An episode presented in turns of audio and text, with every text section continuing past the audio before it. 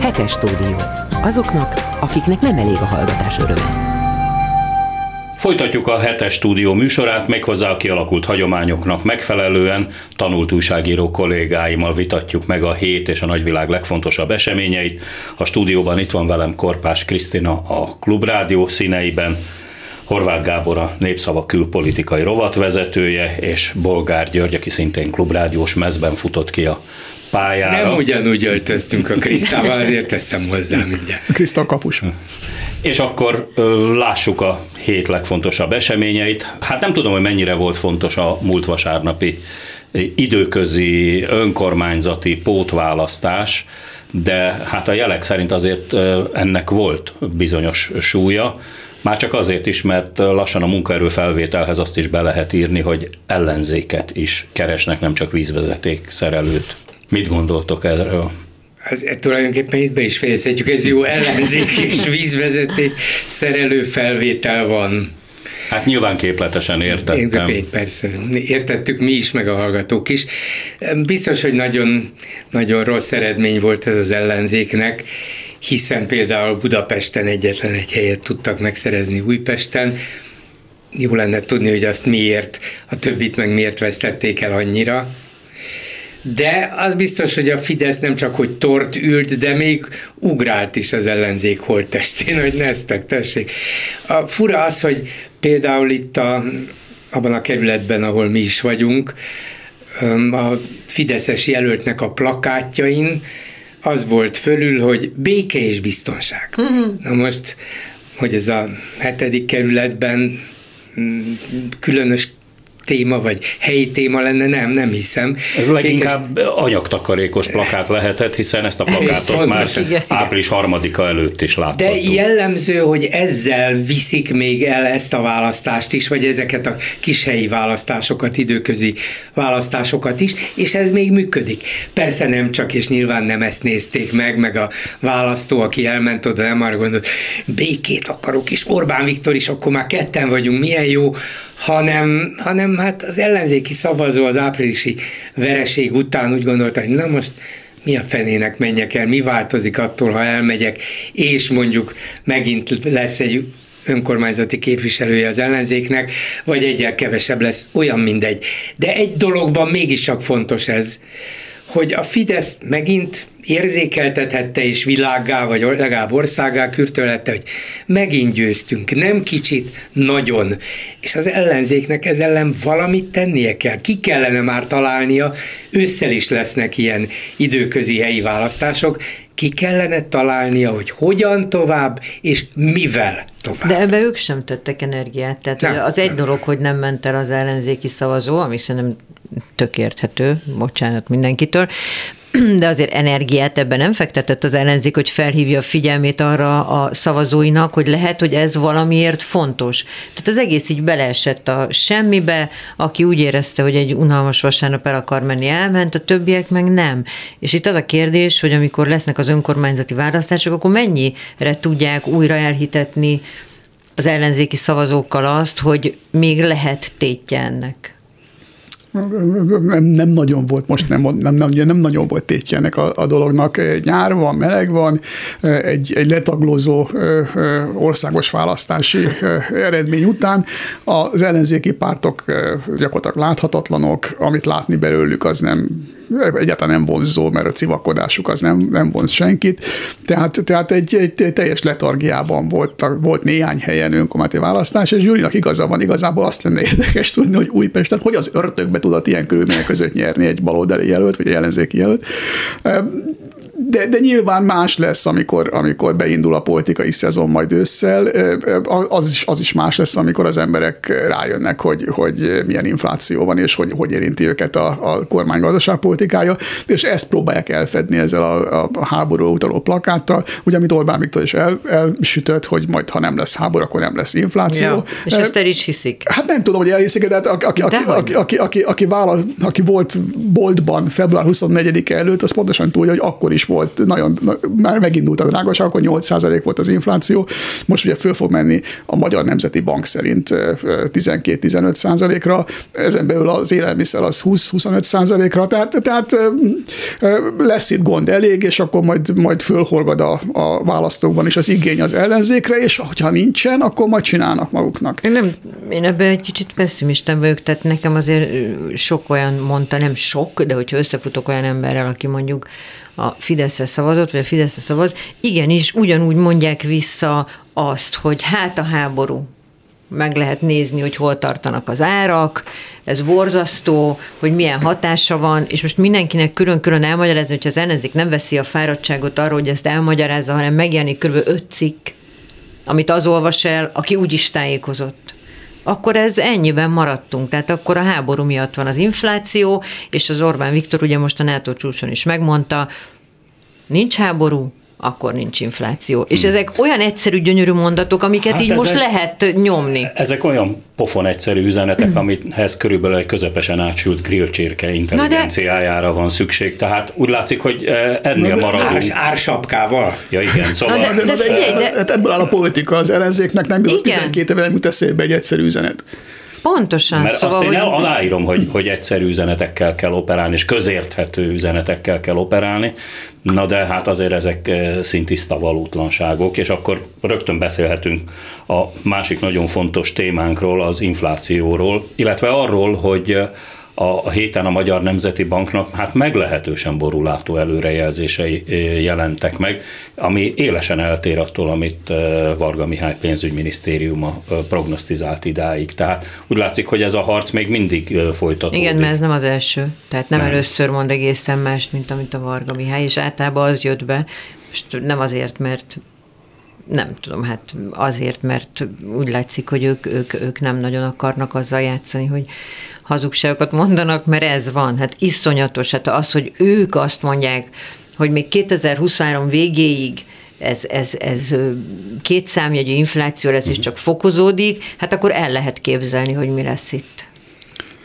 Azon érdekes, az előbb ugye azt, azt mondtam, hogy az ellenzéki civakodás az milyen taszító erővel bír a, a választókra, és, és Varga és Matolcsi hosszú évek óta tartó személyes civakodása és gazdaságpolitikai civakodása meg szemlátomást hidegen hagyja a magyar választot, pedig azért annak is van némi hatása az élet, életünkre, hogy más nem mondjak, ugye a forint árfolyamon keresztül Matolcsinak jelentős köze van a mostani inflációhoz, tehát szeretem én a hajnalt, hogy most rájött, hogy túl magas az infláció. Igen, az lenne a dolga, amit Nemzeti Bank elnöknek, hogy ne legyen ilyen magas az infláció, ehhez volt néhány éve, amit, amit arra fordított, hogy, hogy pénzt pumpáljon a saját maga által kitalált alapítványokba, és ellopja azt a különbséget, ami, ami, ami fölhalmozódott volna a Nemzeti Bank számláján, hogyha ha nem költik el másra, és most milyen jó lenne, hogyha ha, ha nem kéne annyi hitelt, külső hitelt fölvenni, de kell. Na, nem értek különösen a gazdasághoz, de az, hogy ebből baj van, és hogy még nagyobb baj lesz, az biztos, és az is biztos, hogy a gazdasági baj van, ott annak politikai hatásai is szoktak lenni. Hát ugye ez egy tálcán kínálná, ha lenne ellenzék, ez tálcán kínálná a lehetőséget, tehát erre kutya kötelességük lenne lecsapni és körbe rohangálni benne az országgal. Hát, hogy van, ellen, van. van ellenzék, és az ellenzék nem is mulaszt el tulajdonképpen egyetlen napot se, hogy fölhívja a figyelmet arra, hogy micsoda infláció van, mennyiben drágábbak a zöldségek, a gyümölcsök, a kenyér, a hús, az és így tovább. Mindegyik tart egy sajtótájékoztatót, kiad egy közleményt, kiáll egy mm, politikus, egy képviselő, és így tovább. És fenyegetően integet a kormány felé. Ez mind megvan. A különbség az, és akkor Gábornak erre a megjegyzésére reagálva, hogy nem érdekel senkit az, hogy Varga Mihály és Matolcsi György egymással viaskodik, és az egyik lényegében levülyézi a másikat, a másik pedig vissza, visszaszól Esély. finoman.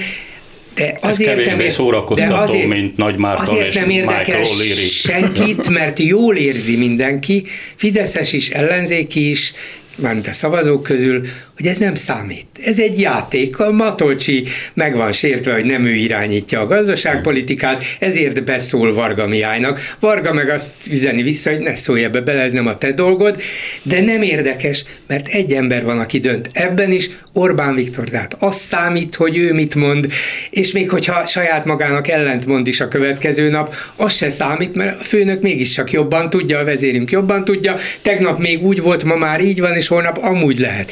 Az ellenzéknél viszont nincs egy megkérdőjelezhetetlen főnök, egy vezető, hanem egymással vetélkedő, egymással sokszor egyet nem értő, egymással hát bizonyos versenyben is lévő, és, és hát ráadásul ideológiai különbségeket is képviselő pártok, politikusok vannak, akik persze igyekeznek és le, megpróbálják lenyomni a másikat, és még több sajtótájékoztatót tartani, mint az egyik, de ebből meg az derül ki a választó számára, hogy hát ezek itt beszélnek a levegőbe, semmi hatása, és még veszekszenek is egymással, mert nincs valaki, hogy ez baja vagy nem, az egy másik kérdés. Nincs valaki, aki megmondaná, hogy ez az irány, erre tessék jönni, és a többiek mennek. Na de ez, Gyuri, ez, ez nem egy leegyszerűsített gondolkodás? Nem azt jelenti, hogy az ellenzéki oldalon is tulajdonképpen egy olyan vezérfigurát keresünk, mint amilyen vezérfigura van a Fidesz oldalán. Ettől én cseppet sem vagyok, sokan, sem, sem sokan nyugodt, sem gondolják, boldog. Én se, de sokan gondolják így, hogy ez hiányzik. Bizonyos szempontból gyakorlatilag nagyon hiányzik hogy ez jó volna-e így, nem, valószínűleg nem is, nem is lehetne így, ha elképzeljük reálisan, hiszen van legalább hat pár, de lehet, hogy lesz belőle nyolc is, de ha csak négy lenne, akkor is mindegy. Különböző pártok, hát ez volna a demokrácia értelme, hogy különböző gondolkodású emberek különböző válaszokat adjanak az élet kérdéseire. Ezért vannak pártok, különben csak egy lenne, és milyen jól válaszolt 40 valány évig az az egy párt, míg meg nem bukott az egész rendszer. De Persze nem egy vezér de kellene, azért könnyen, de hatékonyabban működik. De azért én emlékeztetném velem egykorú hallgatókat legalább arra, hogy azért a 70-es években azért nem éreztük magunkat ennyire szabadnak, nem? Tehát azért volt annak a korszaknak is egy kellemesen folytogató, mocsárszagú levegője. Mondtam, mondtam az ellenkező. Érdekes dolog, hogy egyáltalán tényleg, hogy, hogy akkor ezek szerint, amit te mondasz, alapvetően a társadalom nem alkalmas arra, hogy demokráciában éljen. Nem, nem mondtam. De, nem. de ezt mondtad, mert hogy végül is, a, ha megnézzük az északi államokat, ahol tud működni a párbeszéd, és tud működni az, hogy nem kell egyetérteni, hiszen a világ az ilyen színes, és nem mindenki ért egyet, de nálunk meg az tök igaz, amit mondasz, hogy az lenne a megoldás, hogyha a másik oldal is kapna egy ilyen embert, aki után mehetne. De ez, ha belegondolunk, rettenetesen szomorú. És a másik, amit még akartam mondani erre, hogy, hogy a legnagyobb baj, hogy az ellenzék nem tudja tematizálni a közbeszédet. Egyetlen egyszer tudta, amikor az előválasztás volt, akkor minden arról szólt. Tehát minden sajtóorgán, ez kikerülhetetlen volt. Pedig akkor se értettek egyet, akkor nem biztos, hogy ezzel függ össze. De mégis de áthatotta. hogy az egyet nem értésből szülessen okay, egy közös de, döntés. de ott volt az, hogy így, így nem lehetett kikerülni. Most meg nincs olyan téma, amit ők hoznak föl, ami kikerülhetetlen lenne. Nem tudnak semmi olyat bedobni, amivel találkoznál, amivel, hanem megint azzal találkozol, amit Orbán Viktor kitalált. Majd hát nincs is könnyű dolguk, tehát tételezzük fel, hogy kitalálják azt, hogy, hogy milyen, mit kéne csinálni, és utána ezt hol mondják el. Itt a Klubrádióban el tudják miért? mondani, és akkor az előválasztás hogy ment speciál. Az, az előválasztás előválasztás egy érdekes szituáció volt, utána két hónapra visszavonultak, és megpróbálták megérteni, hogy mi történt saját maguk. Majd utána egymásra kezdtek harcolni, és ugye Márkizaj meg van győződve, hogy Gyurcsány nem akart vele nyerni, a Gyurcsány meg van győződve, hogy a Márkizaja nem lehetett nyerni, és akkor még a Jobbikról, meg a, a, a szinte alig létező MSZP-ről nem beszéltünk, az LMP-ről, meg a, nem, nem, nem, kit hagytam ki. Szóval valakit még kihagytam. A Momentum, igen, igen igen, igen. Szóval, szóval, szóval egy csomó csalódás, személyes emberi csalódás, ezek az emberek nem tudtak felülemelkedni a, a személyes ambícióikon, nem látták a, a célt, hanem csak a, a, a fától az erdőt, hanem csak a fát látták az óruk előtt. De erre mondtam, hogy, hogy, hogy a, a helyzet, az alkalom az megszüli a maga kifejezési formáit. Tehát a, a szlovéniai választások előtt hat hónappal az a párt, amelyik kormányra került, nem létezett. És majd Magyarországon is lesz valami, hogy hogyha megérik rá a helyzet, és hogyha az emberek úgy döntenek, hogy mindennél fontosabb, hogy változás legyen. Egyébként most nyilván nem volt fontos, hogy változás legyen, mert mindenki nagyon félt a háborútól, és mondjuk ezt emberileg meg is lehet érteni. De egy dolog van, ami miatt ugye azt várják sokan, hogy legyen ezen az oldalon valaki, aki megmondja. És még sincs, mégpedig azért nincs, mert ugye sok párt van, Orbán Viktor pedig kitalált egy olyan választási rendszert, ahol csak az működne, hogy egy nagy ellenzéki tömb egy vezetéssel, egy ütemre lépdel miután na, nagy valószínűséggel tudta azt, hogy ez nem fog létrejönni, nem jöhet létre, nincs ilyen erő, nincs ilyen politikai vezető, nincs ilyen párt, ezért maradt ez a végén nagy nehezen összehozott hatpárti együttműködési szövetség, de hát ez is kiderült, hogy ennek a, hat, a lehetőségei végesek. Na most van tehát egy igény, hogy kialakuljon egy ilyen erős párt az ellenzéki oldalon, de nem jöhet úgy létre, mint Szlovéniában vagy máshol, mert a választási rendszer ezt nem engedi. Igen, Illetve de létrejöhet, Viktor... csak akkor nem fog győzni megint Viktor... az ellenzék. Legfeljebb egy kicsit nagyobb esélye lesz egy pártnak a többivel szemben, de együtt a fidesz szemben egyiknek sem. Orbán Viktor kisgömböcként megette az összes olyan kis pártot, amelyik az ő erejét valamennyire gyengítette volna. Tehát azért voltak itt kisgazdák, meg volt itt KDNP, amire azt mondják, hogy egyedül is nyerne, hát ez a legviccesebb, amit Bedarálta az MDF-et. Hát Bedarálta persze, az MDF-et, szóval hogy azért ő egy nagy gyűjtő, aki ott tényleg mindenkit megevett egy perc alatt, Ilyen értelemben igen, akkor lehet, hogy itt is az lenne a, nem mondom, hogy jó, mert semmiképpen nem, ha jönne egy olyan, amelyik szépen így maga alá darálja az egészet, és Hát ugye és a úgy... számomra az a nagy kérdés, hogy vajon milyen jövőképe van, nem csak hogy az ellenzéknek, hanem az egész országnak. Mert ha bele ássuk magunkat a mélyébe, akkor azok az üzenetek, amelyek a kormány oldaláról jönnek, ez a vármegyés, ispánozós, főispánuram világ, Hát ez egy múltba révedés, és egyébként meg improvizálunk, és majd lesz, ami lesz. De az ellenzéknek nincs egy modern Magyarország jövőképe. Majd, ha lesz egy ilyen jövőkép, akkor talán majd lesz hozzá párt is, meg ember is. Kérdezem tőletek. Nagyon érdekes az ispánozás, ez szerintem egy nagyon érdekes cikk jelent meg a 444-en erről, hogy ez a gumicsont, ugye, amit bedobnak, és akkor itt boldogan az egész ellenzék ki van borulva ezen, hogy visszajön az ispánozás, és akkor ott ilyen háttéremberek azt mondták, fideszes háttéremberek, biztos olvastátok a cikket, hogy ez nem nekünk szól, tehát nem gumicsont, hanem az ő összetartó erejük. És egy dolgon gondolkoztam, mert ezt ilyen nehéz megérteni nekem, hogy mitől tart össze egy ispánozás, tehát engem elriasztana, de én nem vagyok Fidesz szavazó, hogy gondoljatok bele, hogy most ugye ki is jött az a Policy Solution-nek a, a felmérése, hogy például az ellenzékiek sokkal jobban elfogadják az LMBTQ embereket. Tehát, hogy ugyanez a helyzet lenne, hogy áremelkedés minden, és mondjuk behoznák azt, szélsőséges példa, de talán megértitek, amiről beszélek, hogy mostantól a melegek házasodhatnak. És akkor az egész összes ellenzéki azt mondja, hogy jó, hát tényleg borzasztó, de legalább ezek, milyen ember, legalább ezek odafigyelnek arra, hogy itt az állampolgároknak jó legyen, és mindenkinek egyenlő jogai lenne. És így értettem meg, hogy lehet, hogy ez tényleg nekik, mert ők meg azt mondják, hogy jó, borzalmas a helyzet, de legalább ezek odafigyelnek a hagyományokra, azokat a fontos dolgokat felélesztik, ami a nagyapámnak fontos volt, volt, mégiscsak Szóval lehet, hogy ez ennyi. Hát nem tudom, abba, abba gondoljunk bele, hogy mi lett volna, hogyha valamilyen furcsa fintora az életnek úgy hozza, hogy, a, hogy az ellenzék megnyeri a választást, és ez a, ez a hatpárti össze nem tartó koalíció most szembe találja ez magát ezzel a mostani hát gazdasági, gazdasági és világ, világhelyzettel.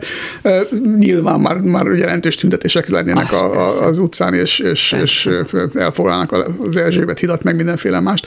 Szóval, szóval és, és a mostani helyzetben pedig az ellenzék képtelen arra, nem, nem hogy kivigye az embereket az utcára, hanem hogy, hogy egy épeszű sajtótájékoztatót tartson. A kedvenc példám az, hogy az egész választási kampányban folyamatosan megkaptam ugyanazt a, sajtót, ugyanazt a sajtóanyagot hat különböző párt sajtó osztályától, mert nem voltak hajlandók egy közös sajtó szervet létrehozni, vagy egy közös sajtós tábot, amelyik foglalkozott volna az üzenettel. Világos, hogy miért, mert nem volt közös üzenetük. De hát nem is lehet elvárni, ezt a Gyuri nagyon jól elmondta, hogy nem lehet elvárni, hogy hat különböző párt párt más, más szempontból azonos üzenetet fogadj, fogalmazzon meg, de azt el lehetett volna várni, hogy az egyik ezzel foglalkozol, a másik azzal, a harmadik meg amazzal, és az egész összeálljon valami normális kép. De kár a, a, a kiömlött tejbe most belesírni, ez a dolog ez elment. Ez a mostani pótválasztás, vagy, vagy ami most volt a hétvégén, ez semmi különösebbet nem mutatott, mint az, hogyha 20% a Fidesz elmegy, akkor 100%-kal megnyerik a helyi körzetüket. Majd, hogyha egyszer 60%-os lesz a részvétel megint, akkor megint mások, mások lesznek a, a, a, az eredmények, mert az újpesti baloldalnak meg csak gratulálni lehet tényleg. Speciál a futballcsapatukkal is baj van, de hát ez egy más történet.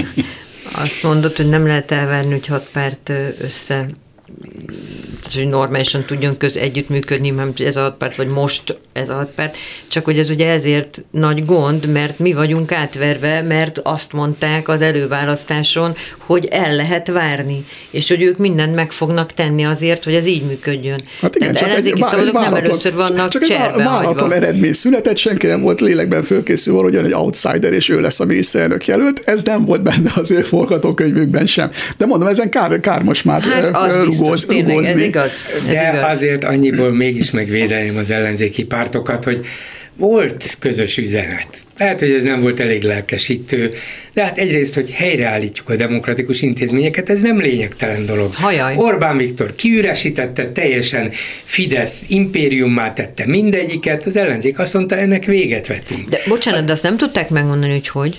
Egy csomó kétharmados hát, törvény van próbált, benne. Igen, az egy másik kérdés, de ez nem azért volt, mert a szándék nem volt meg bennük. Jó, hát Legfeljebb azon vitatkoztak, hogy meg lehet-e csinálni kétharmados többség nélkül, vagy lehet-e lehet vagy meg kell-e várni a kétharmadot, úgy kell győzni, és akkor egyszerű lesz, de ez nem a szándék meg az üzenet kérdése, volt azt mondták, hogy ezt meg akarjuk változtatni, tehát demokráciát teremtünk ismét. Egy, kettő, Európával együtt akarunk működni, szövetségesek akarunk lenni, nem támadjuk meg állandóan se Brüsszelt, se a szövetségeseinket, mert egyértelmű, hogy mi hol állunk, míg Orbán ideje alatt nem az, most sem az ezekben a sokkal vészteresebb időkben. Na de Gyuri, és rezsicsökkentés. Igen, igen, jó, persze. Béke. Igen, igen, Béke. igen. Tehát, tehát, tehát világos, egyszerű dolgokat Így kell van. mondani. A, a választóknak a túlnyomó többségét nem érdekli, milyen a viszonyunk Brüsszellel. Az érdekli, hogy mennyibe kerül a csirke. Azt mondom, hogy a, fa, fa, a igen, de a nagyon fontos ügye, és tegyük hozzá, amikor megkérdezték akár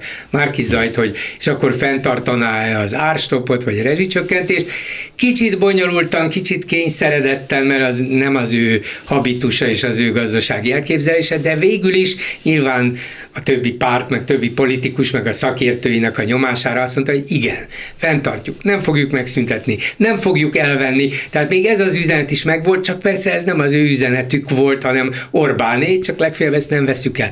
De ott volt az ellenzéki üzenetben az, hogy az oktatást, ezt a totális centralizációt, ami egy óriási kudarc. Hát ezt megszüntetjük. Ha valakik vissza akarják kapni önkormányzatok az iskoláikat, visszaadjuk. Egészségügy, ugyancsak ez a teljes államosítás. Ez egy rossz út, nem ezt fogjuk csinálni, hanem amazt. Minden lényeges kérdésben volt ellenzéki üzenet. Más kérdés, hogy ezt a, nem, nem vették annyira, nem is azt mondom, hogy komolyan az emberek, hanem úgy érezték, hogy ennél egyszerűbb kell, vagy még nagyobb ígéret kell, de hát hogy lehet túllicitálni azt, hogy Orbán Viktor kioszt 1300 milliárd forintot a választás előtti hónapokban az embereknek. Mondja azt az ellenzék, hogy nem 1300-at, hanem 3300-at fogunk kiosztani? Nem mondhatták, mert nem is itt csak azért sem, mert nem volt meg a lehetőségük, semmi, hogy semmi, hát meg itt ezt kiosszák, de ha már egyébként az egészségügy szóba került. A héten uh, ugye egy újabb, ha tetszik, gumicsontot dobtak be, hogy most akkor a orvosi magánpraxisokat is ismét államosítják, tehát legalábbis a államtitkár, akinek most ez lett a feladata a belügyben, ezt közvetítette az orvosi szakmának. Tehát egy nagyon furcsa dolog zajlik most a, főleg a házi orvosi ellátásban, ahol éveken keresztül arra kényszerítették az orvosokat, hogy építsék fel a praxisukat, most pedig megint 180 fokos fordulat, és ismét az egyetlen, a, lassan most már nem is tudom, hogy mi fog megkülönböztetni bennünket a Magyar Népköztársaságtól, hiszen mindent államosítanak, mindent központosítanak, nem is tudom, hogy egyáltalán ennek most mi lesz a, a folytatása. Mit gondoltok ti erről, hogy hát azért orvosként ugye befektetsz, fölépítesz egy, egy praxist, és így tovább, most mehet megint vissza az államiba, a közösbe. nem tudom, hogy ez egészen így van-e, amit fölvetett az államtitkár egy konferencián, az valami olyasmi volt, hogy hát ahol nincs ellátás, ahol nem vette át senki a praxist, és ilyen egyre több van, ott valami olyan fajta állami felügyelettel, vagy állami befolyással újra szerveződő praxis közösségeket kell alakítani, hogy biztonságos legyen az ellátás, akár ebben még lehet is valami. Azt én nem láttam, olvastam, hallottam, hogy államosítanák ezt a, ezt a házi orvosi magánpraxis rendszert, lehet, hogy ez is benne van, de mondom, csak erre történt igazából célzás. A fontosabb itt az volt, hogy az önkormányzati irányítású szakrendelőket vennék el. Vagyis ugye Karácsony Gergely az ő alkudozásában és vitájában a kormányjal az egyik fontos eredményként azt könyvelhet el, hogy én csak akkor engedélyezem, vagy akkor hagyom jóvá budapesti atlétikai világbajnokság megrendezését, hogyha a kormány kötelezi magát, hogy évi 10 milliárd forintot ad a fővárosi szakrendelők korszerűsítésére. Hát a kormány most átvágja ezt a gordiuszi csomót, nem adok, mert elvesztem. Elveszem tőletek. És akkor mondhatja azt a karácsony, már bocsánat, hát de ez a miénk, ez a kerületeké, ez a mostantól a miénk lesz, mert így jobb lesz. Hát miért kell rajtatok keresztül adnom a pénzt, majd én közvetlenül adom, vagy nem adom. Legalább nem kell vitatkoznom közben a karácsonyjal és ezekkel hozzásolókkal. Szóval nem is ez a lényeges, mert tulajdonképpen mindegyik rá van szorulva az állam pénzügyi támogatására, hanem az, hogy minden önálló befolyást, minden helyi befolyást, minden helyi érdekeltséget meg akarnak szüntetni, mindent központból akarnak eldönteni, és bár egy önkormányzat jobban tudhatja, akár egy szakrendelő esetében, hogy mik a bajok, mik a hiányosságok, kinek még személyesen is jobban ismerik egymást, tudják, hogy a szakrendelő igazgatójának mi fáj, az esetleg be tud menni oda a városi nem is a partbizottsághoz, de hát ugye a város irányítója, az most majd menni kell instanciázni a belügyminisztériumhoz. De ez semmire nem volt megoldás. Az elmúlt 12 évben kiderült, hogy ez rossz út. Hát az oktatásnál abszolút, még rosszabb lesz. Igen, de hát az oktatásnál is kiderült, hogy ennek igen, semmi ugyan, értelme nincs. Ki kéne próbálni valamit. Mi lenne, ha egyszer Pintér Sándor lenne a miniszterelnök? Mert, ha már minden... Ha már úgy, hogy az egészségügytől elkezdve hát igen, mert, mert úgy tűnik, hogy, hogy ő, ő, a probléma megoldó, ő a fixer, aki, akire rá lehet bízni valamit ebben a kormányban. A másik az a Lázár János. Meg meg kéne próbálni esetleg. Hát nyilván itt van egy kis probléma, hogy a, a miniszterelnök úr nem akarja ezt Na, a dolgot kipróbálni. Igen, igen, igen. hogy mindig egy kicsit hátrébb teszi, hogyha ott lenne, hogy már előrébb Lázár Jánosnak a fejére lett ütve, amikor már nagyon, nagyon okoskodott, és minthogyha Pintér Sándornak is. Hát ha nem is a fejére, de a körmére csaptak volna.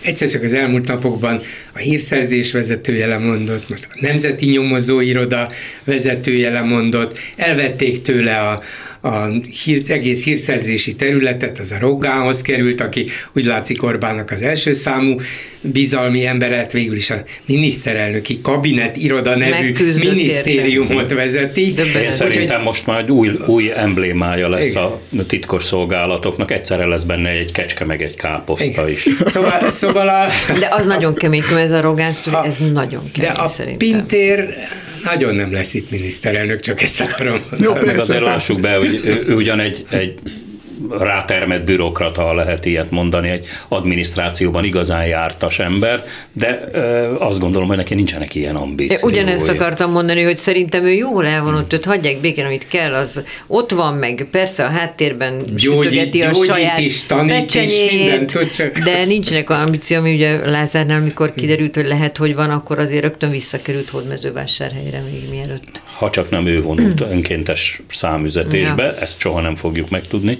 Viszont amiről már egy kicsit korábban beszéltetek, ez ugye ez a Policy Solutions és a Zaves Research által közösen megrendelt vizsgálat volt arról, hogy milyen mélyek vajon a, a szakadások a magyar társadalomban, és hát ebben azért nagyon érdekes eredmények is megjelentek. Ugye az adás korábbi részében erről már volt is szó, hogy hát sokan még akár az ellenzéki szavazók közül is egy, egy fideszes szomszéddal szívesebben el vannak, mint egy ukránnal, vagy egy, nehogy Isten, egy, egy muzulmánnal laknának egy szomszédos telken.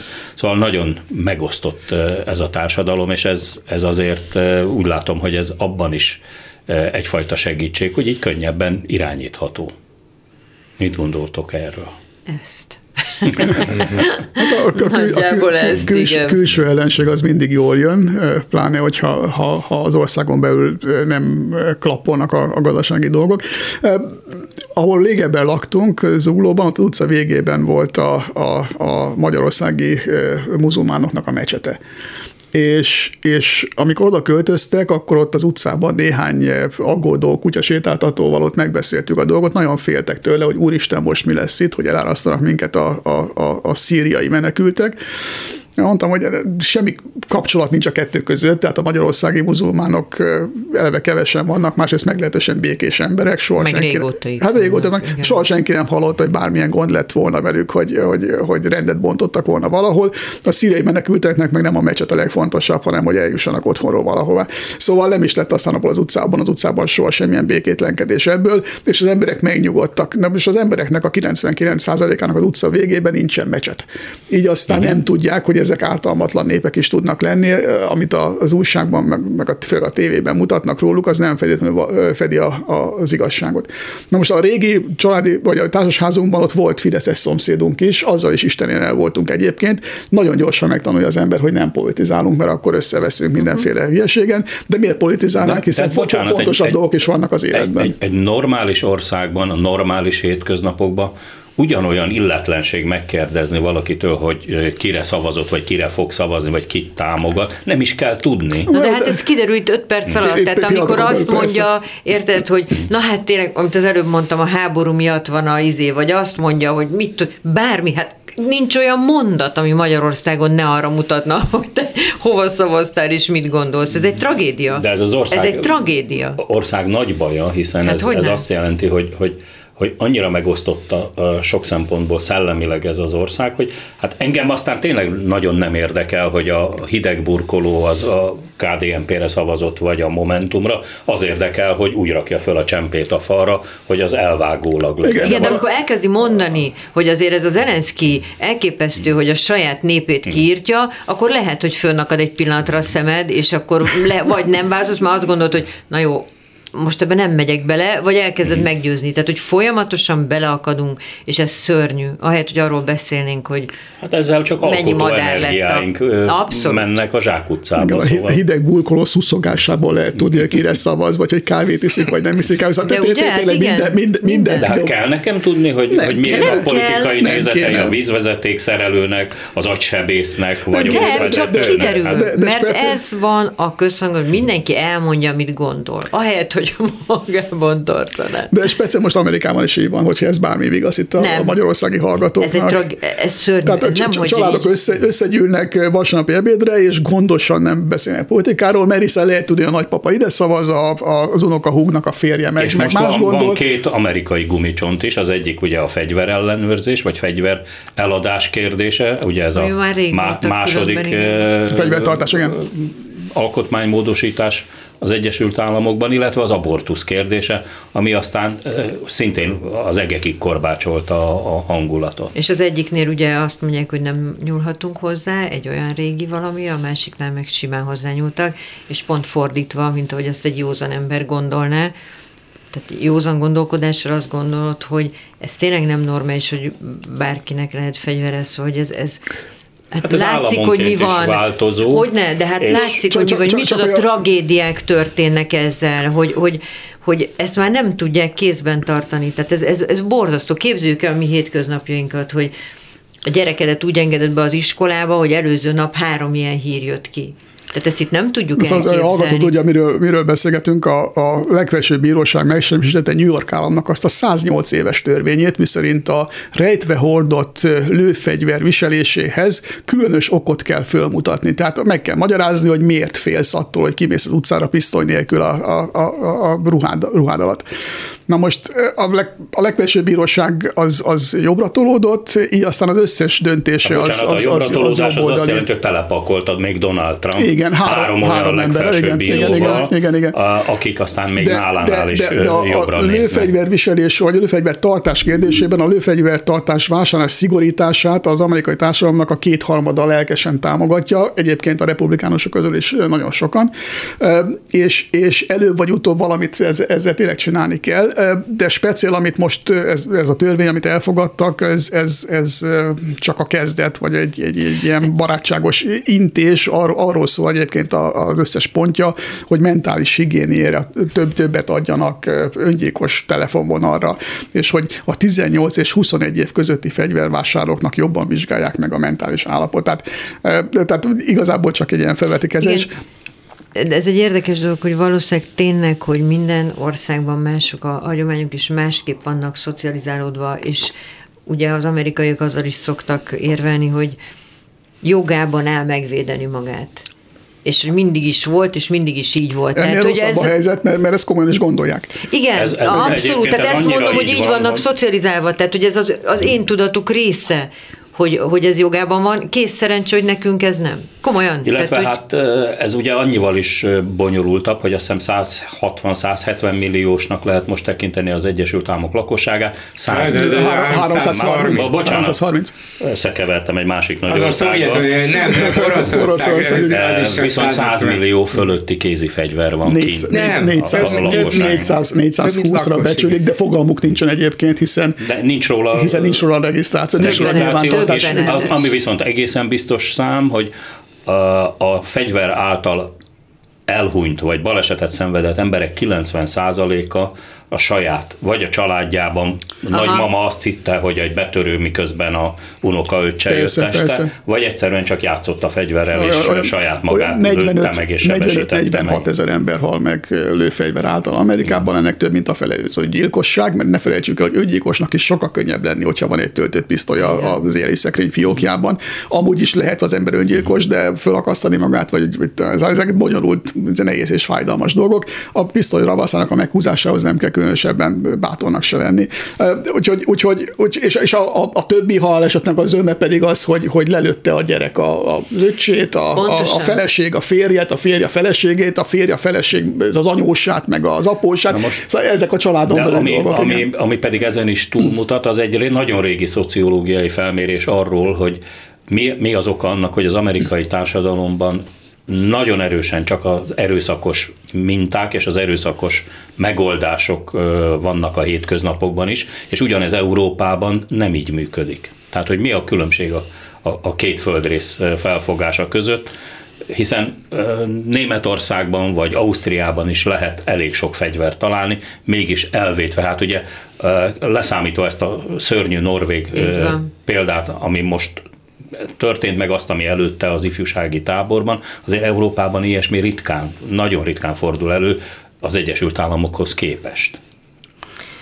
Hát ez egy nagyon jó kis szociológiai hát, kérdés, ami nem biztos, erről, hogy most erről, erről így erről hosszan, lehet, hosszan, lehet. hosszan lehetne beszélni, de amikor az Egyesült kialakult, akkor az egy hódító expanzióban lévő ország volt. Az őslakosságot is valahogy de, de, de nem egy hadsereg hódította nem, meg, hanem nem, a magánemberek, igen, a pionírok. Igen, és igen. ebből következik az, hogy nekem meg kell védenem, maga, nekem én megszereztem és megvédem. Igen. Tehát ez egy egyéni dolog volt, így, így alakult. És most, és most is úgy van, be az alkotmányba is hát tulajdonképpen. Igen, igen, hát azért megint más történet az angolok elleni hmm. polgárháború miatt, vagy az angolok elleni függetlenségi háború miatt került be, de ugye a, a vidéki lakosságnak egészen más erről a véleménye, mert ott tényleg ugye ezek a hagyományok élnek tovább, meg aztán járnak vadászni is. A nagyvárosokban, ahol, ahol, ahol erre semmi szükség nincsen, ott, ott, ott az emberek túlnyomó többsége liberális szavazó ellenzi a dolgot, és ezért érdekes az, hogy a legfelsőbb bíróság vette a fáradtságot, és szerencsétlen New Yorkra rákényszeríti az akaratát. El lehetne mesélni, hogy Washington a főváros szempontból hogy néz ki, ahol ugye nincs saját kormányzat, hanem a, a képviselőház kormányozza gyakorlatilag Washington, csak egy polgármester a törvényeket nem ők hozzák, és ott, ott mindenki utálja a fegyverviselést, és rákényszerítik a, a, a városra ezt a szituációt. Na mindegy, egy szó mint száz a dolog lényeg az, hogy valóban a társadalmat sokféleképpen meg lehet osztani, kulturális kérdések mentén sokkal könnyebb, mint politikai kérdések mentén. Tehát a, a Brüsszelhez való viszonyunk az, az nem annyira megosztó, mert a magyaroknak a 80%-a most is az Európai Uniós Igen. tagságot pártolja, de igazából nem félnek attól, hogy, hogy Orbán kivezeti Magyarországot az Európai Unióból, ezzel hiába kampányol az ellenzék, ennek, ennek semmi esélye. Mert valahogy nincsen. ezek az összefüggések nem érnek össze. Tehát, hogy Viszont külön-külön. Ha már az amerikai fegyverekről szó volt, ugye a héten azért történt egy és más fontos, igaz, hogy nem Brüsszelben, hanem Madridban, és a NATO masszív támogatást ígért Ukrajnának, illetve hát fölvett két tagot. Bocsánat, mielőtt itt Igen. tovább megyünk, azért az abortusz törvényt szerintem ne kerül ki, hogyha már Amerikában hm. vagyunk, mert az egy, az egy nagyon, nagyon durva helyzet, durva helyzet és egy nagyon durva visszalépés, és a, a, annak a elképesztő, valószínűleg már évek óta a szemünk előtt zajló ideológiai egymásnak feszülésnek egy nagyon rossz pillanata, Hát én, én szóval nem tudom, hogy, hogy, hogy hogyan lesz tovább, mert ugye ez minden államnak megadta a lehetőséget, tehát ez nem úgy van, hogy mindenkinek kötelező, de minden államnak megadta a lehetőséget arra, hogy saját hatáskörében döntsön erről. És azért de, nagyon sok felmérés igen. van arról, hogy hiába tiltanak be egy abortuszt, az abortuszok száma nem csökken, csak sokkal rosszabb körülmények közé kerülnek a nők, sokkal több haláleset lesz benne, vagy sokkal drágábban jut hozzá.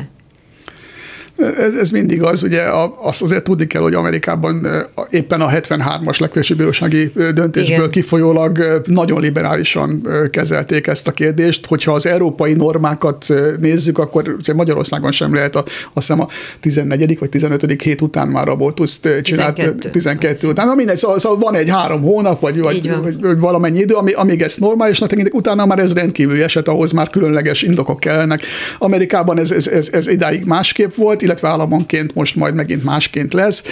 Persze a szegényebb és a, a, a, a távoli helyeken élő nőknek nagyon nehéz lesz elutazni, de ez a másik kérdés, hogy nem is kell elutazni most már, mert hiszen a beavatkozásnak a beavatkozások többsége az nem a művi megszak, a teljesen megszakítás, hanem gyógyszeres, és a gyógyszerek levélben való elküldése megint egy másik történet lesz Amerikában akik úgyis fél Amerika gyógyszerfüggő, tehát ott a Na gyógyszer nem, de, egy egészen nem, furcsa de, de, kapcsolatuk de, de, de, de, gyógyszeres terhesség megszakítás, tehát, tehát nem kell hozzá műtét feltétlenül. Na mindegy, szóval... Aminek szóval... persze azt nem tudjuk, hogy a orvos távollétében történt alkalmazása, az, az milyen, milyen Ugyanúgy halálhoz vezet adott esetben, hogy nem úgy alakul az egész, hanem... Jó, Na jó, szerintem ez egy borzalmas dolog, mert megint úgy akarnak dönteni, tehát én, én kötve hiszem, hogy van olyan nő, aki puszta szórakozásból ja, nem, tehát persze. egészen másra kéne a hangsúlyt fektetni, nem leszek az első, se az utolsó, aki beszél arról, hogy igen, a megelőzés, a felvilágosítás, a, a, a, a védekezési eszközökhöz való hozzájutás, szóval hogy azért rengeteg olyan módszer van, amivel lehetne ezt csökkenteni, biztos, hogy nem az abortusz betiltása. Biztos. Amerika menetel vissza sajnos, ebben és is, sok másban is, és ennek nagyon súlyos következményei lesznek. Nem tudom, hogy a demokraták tudják-e tartani magukat az őszi választásokon, és hogy Biden után mi lesz majd a 2024-es választásokon, nem biztos, hogy Biden után elvileg, de igen, gyak, kérdezem, gyakorlatilag, után, igen. gyakorlatilag azért nagyon valószínű, de, de az biztos, hogy a, a világ, vagy a szabad világ bástyájaként számon tartott, és a NATO csúcsértekezleten is, ugye hát Amerika nélkül a NATO csúcsértekezlet sokat nem ért volna. De szerencsére ez az amerikai kormányzat erőteljesen támogatja Ukrajnát, erős ígéreteket tett, és valószínűleg ennél többet is, tehát gyakorlati lépéseket is a NATO keleti szárnyának megerősítésére, balti államoktól Lengyelországon át, Magyarországon keresztül Romániáig, szóval ez, ez mind nem jöhetne létre az amerikaiak nélkül, ez így rendben van, de ha egy Amerika visszavonul 50 évet minden szempontból, és, és egy izolacionizmusba menekül, hát akkor nagy bajok lesznek.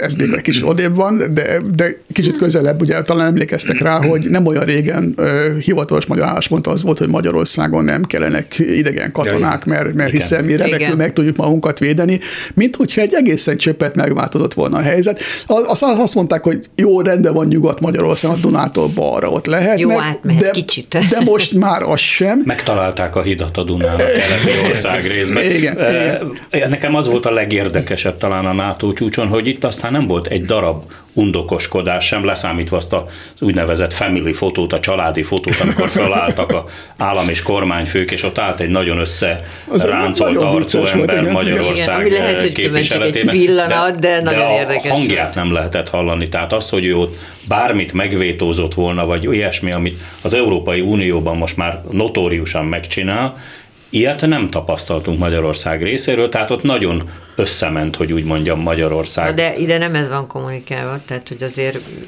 Na, ugye a fejében végig ott volt a piros lámpa, ki, volt, ki volt Gyula, és hogy hát nem lehet mindent megvétózni végül is, mert akkor az ember, mm-hmm.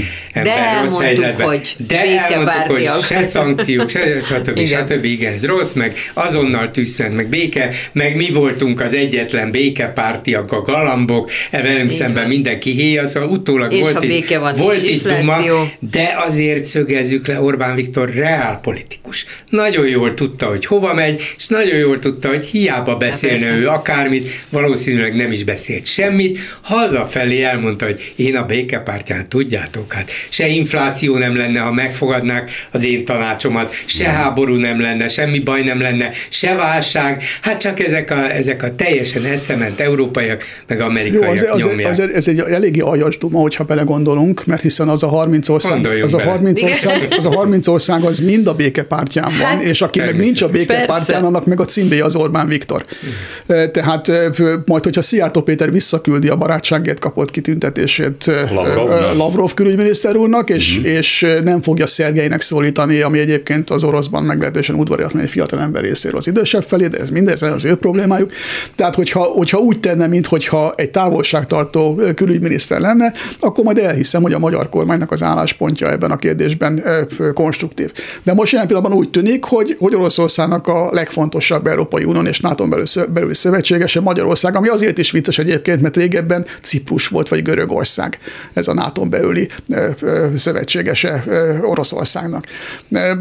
A, a, szerintem ebben az a döbbenetes, hogy ugye Orbán Viktor úgy kommunikálja ezt, hogy ő azért van jóban, és azért tenne engedményeket Oroszországnak, mert a béke pártján van, és ezért Orbán Viktor biztos, hogy a történelemben elég tájékozott, és hogyha a második világháború és Hitlerre gondol, és az őnek tett engedményekre gondol, és azok az engedmények hova vezettek, szóval Európának a viselkedésén valószínűleg az is látszik, hogy tanultak abból, hogy mit jelent az, hogy egy agresszornak olyan engedményeket teszek, hogy jó, oké, akkor ezt a kis Csehszlovákiának ezt a részét, hogy mégiscsak ott vannak sokan, közületek, ezt megkapjátok, meg akkor Ausztria.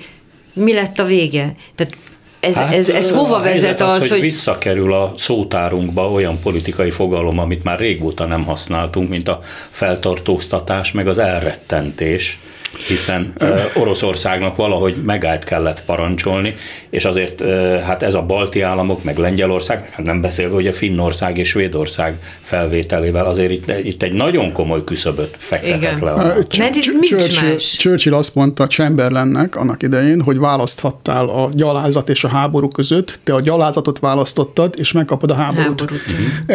Van, aki emlékszik a történelemre, és van, aki megpróbál úgy tenni, mintha ez most nem vonatkozna ránk Magyarország jelent, magyar kormány jelentős részben a gyalázatot választja, ugyanaz lesz a, a, a helyzete, mint a többi más kelet-európai országnak. De ezzel együtt mondom, hogy Orbán Viktor reálpolitikus, mert azt is tudja, hogy ő nem Chamberlain.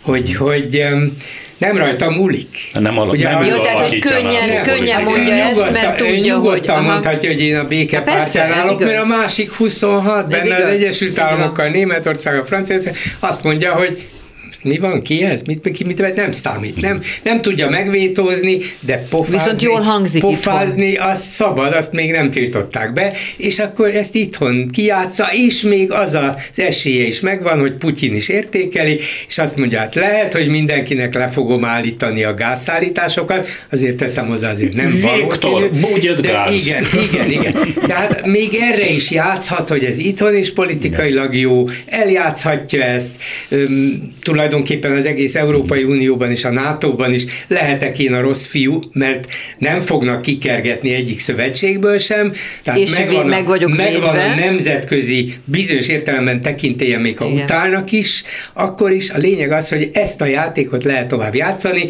és nem veszélyezteti úgy a világ vagy Európa helyzetét, Szörnyű. mint annak idején az angol miniszterelnök, aki megalkudott Hitlerrel, mert nem rajta múlik. Orbán Viktor ebből a szempontból nem játékos. Ennyire azért nem, nem kristálytiszta a helyzet sajnálatos módon, mert a magyar adófizetők pénzén ö, ö, gázt veszünk Oroszországtól, ami a befolyt pénzt Putyin az bombákba fekteti, és ledobja a, és az nem ukránokra. olcsóbban vesszük a gázt, mint ahogy hát, ők kommunikálják. Igen, tehát, tehát, tehát, tehát valamilyen, valamilyen szint szinten, jó minimális vagy alacsony szinten, de bűrészesei vagyunk annak, ami folyik Ukrajnában. Jó, de hát egyelőre még más is vesz Egyelőre gázt. még más is, és, és azok még jobban bűrészesek, Sőt, de ez, igen, ez, ez, nagyon, is ez nagyon azért erkölcsi értelemben nem, nem ment föl persze, minket. én nem mentem, én egyáltalán nem mentem föl Orbán, csak mondom, hogy, hogy ő még ezzel is tisztában van, igen. és tudja, hogy végül is, ha Putyin sikerült érdek kényszeríteni, akkor jó, akkor én is benne voltam. Hát hiszen nem szavaztam ellene, sőt.